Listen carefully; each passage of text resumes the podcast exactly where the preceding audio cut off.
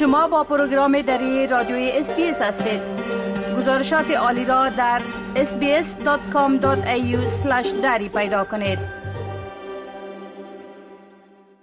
حال جاوید روستاپور خبرنگار برنامه دری رادیوی SBS برای جنوب آسیا. درباره تازه ترین رویدادها در ارتباط به افغانستان معلومات میتن آقای روستاپور سلام عرض می کنم خب اولتر از هم گفتم میشه که طالبا برای بسته کردن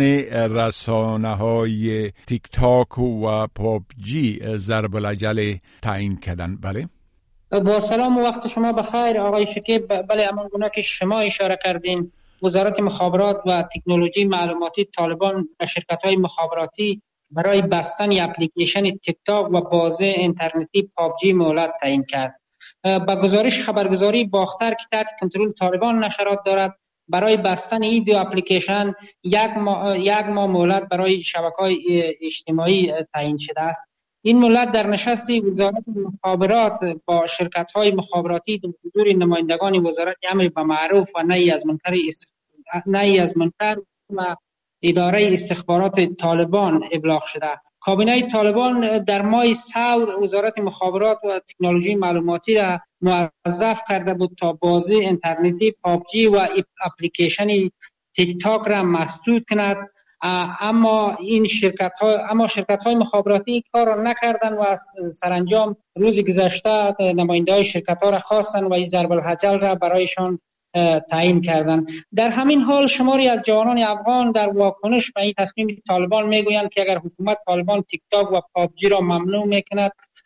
باید بدیل اینها را ارائه کند. جوانان در واکنش به این تصمیم تاکیدشان است که هیچ کار و برنامه ندارند و به همین دلیل بیشتر وقت خود را در شبکه های اجتماعی به بازی و این مصروفیت های دیگه و تیک تاک سرگرم می‌کنند. در غیر از او اینا نه کار دارن و نه برنامه ای و طالبا اگر این اپلیکیشن ها را مسدود می‌کنن باید یک بدیل ارائه کنند بله خب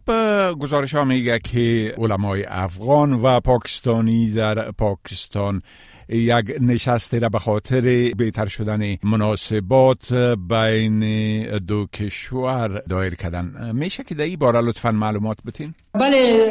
عالمان دین افغانستان و پاکستان به منظور تقویت روابط دو کشور یک نشست را برگزار کردن نخست منصور احمد خان سفیر پیشین پاکستان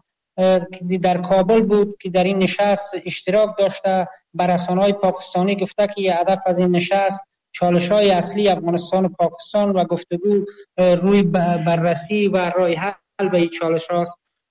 سفیر پیشین پاکستان همچنان گفته که رای حل چالش ها تعامل رسمی میان دو کشور است که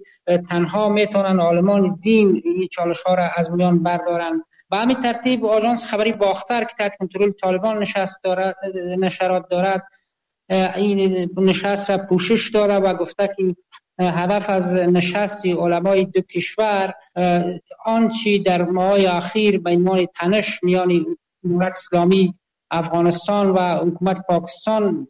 صورت گرفته به همین هدف برگزار شده. اما منابع در کابل این نشست را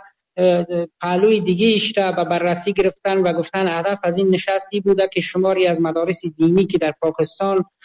فعالیت دارن یا به کابل و ولایت های افغانستان انتقال داده میشن و به همین دلیل هم طالبان این ملاها را با پاکستان روان کردن تا با مسئولان مدرسه دیوبندی که, که تحت نظر استخبارات پاکستان نشرات دارد. چه فعالیت دارن این مدارس اینا را انتقال بتن به افغانستان و بر بنیاد گفته های منابع که به برخی رسانه ها گفتن و از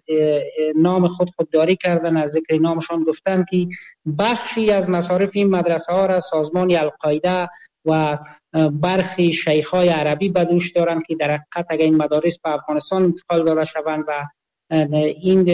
در حقیقت یک ماشینی سرواز تروریسم در افغانستان فعال میشه که برای آینده افغانستان بسیار خطرناک است. بله خب گفتم میشه که در برخورد در جریان تلاشی خانه به خانه در ولایت هیلمند یک تعداد زنا کشته شده. بله. منابع محلی در هلمند گفتند که طالبان در جریان تلاشی خانه به خانه در منطقه بستی ولایت چهار زن را کشتند و چهار تن دیگر را زخمی کردند. با گفته این منابع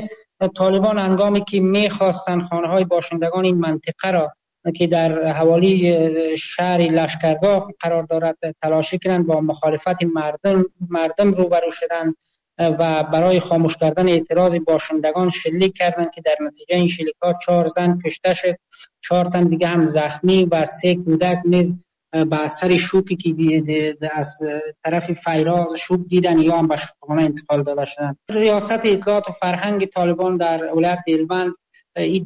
درگیری را تایید کرده تیراندازی طالبان را تایید کرده ولی گفته که هیچ کس زخمی و یا کشته نشده و تنها طالبان به خاطر از اینکه یک مخالفی تلاشی خانه به خانه بودن تیراندازی کردند ولی منابع محلی میگن که اکثر مردم بست آمادگی گرفته بودند که نگذارند طالبان خانه هایشان را تلاشی کنند این در حالی است که در ولایت پروان هم تلاشی خانه به خانه از طرف طالبان به ممانعت مردم روبرو شد. در کندوز تخار و دیگر ولایات و شکایت های جدی از روند و روش تلاشی خانه به خانه توسط طالبان در ولایات مختلف در رسانه ها درس کرده و گزارش شده از جریان. بله خب در یک گزارش بسیار جالب دیگه گفته شده که مقامات بعضی از مقامات طالب با آتش سوزی های اخیر در بخش های افغانستان کار عجنه دانسته بله؟ دقیقا وزارت دولت در امور رسیدگی به حوادث طبیعی طالبا گفته که حیات برای بررسی آتش سوزی خانه های مردم به میدان وردک رفته که نشان می‌دهد آتش زدن خانه های مردم کار جنیات است. محمد نسیم حقانی سخنگوی وزارت دولت در امور رسیدگی به حوادث روز دوشنبه یعنی روز گذشته به برخی رسانه ها گفته که با توجه به معلومات باشندگان محل و آتش سوزی هایی که در ولایت های جوزجان بلخشان سریپل و دیگر ولایت ها صورت گرفت از سوی جناش این آتش سوزی شعله شده و امکان دارد که جنها خانه های مردم را در ولایت میدان وردک هم نیز به آتش کشیده باشند. این سخنگوی وزارت تاکید کرده که پس از بررسی دقیق علت آتش سوزی و و جلوگیری از این رویداد تبهیج را اینا روی دست خواهند گرفت. و گفته که آیت که به میدان وردک رفته عالمان دین در ترکیب آیت صورت آیت موجود هستند که اینا بررسیشان نشان میده که یا تشسوزی ها کار جنیات است. این موضوع در شبکه های اجتماعی بسیار داغ شد و بعد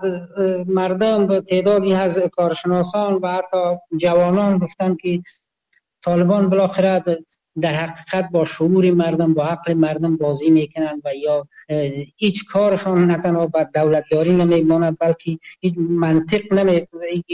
قبول نمی‌کند که آتش زدن خانه های مردم کار جنیات باشد در, حالی که این خصومت های شخصی است و برخی از افراد گروه طالبان در شبکه های اجتماعی گفته شده که خانه های مردم نخست چور چپاول می‌کنن و سپس یا را با آتش می‌کشند که در برخی در قندز و در سریپل گفتن دکان های مردم به ترتیب اول اموالشان دزدی شده و سپس با آتش کشیده شده. بله خب آقای روستاپور از این معلوماتتان بسیار تشکر و فعلا شما را به خدا می سپارم و روز خوش برتان آرزو می کنم. وقت شما هم خوش خدا حافظ ناصرتان. می خواهید این گونه گزارش ها را بیشتر بشنوید؟ با این گزارشات از طریق Apple Podcast، Google Podcast، Spotify و یا هر جایی که پادکاستتان را می گیرید گوش دهید.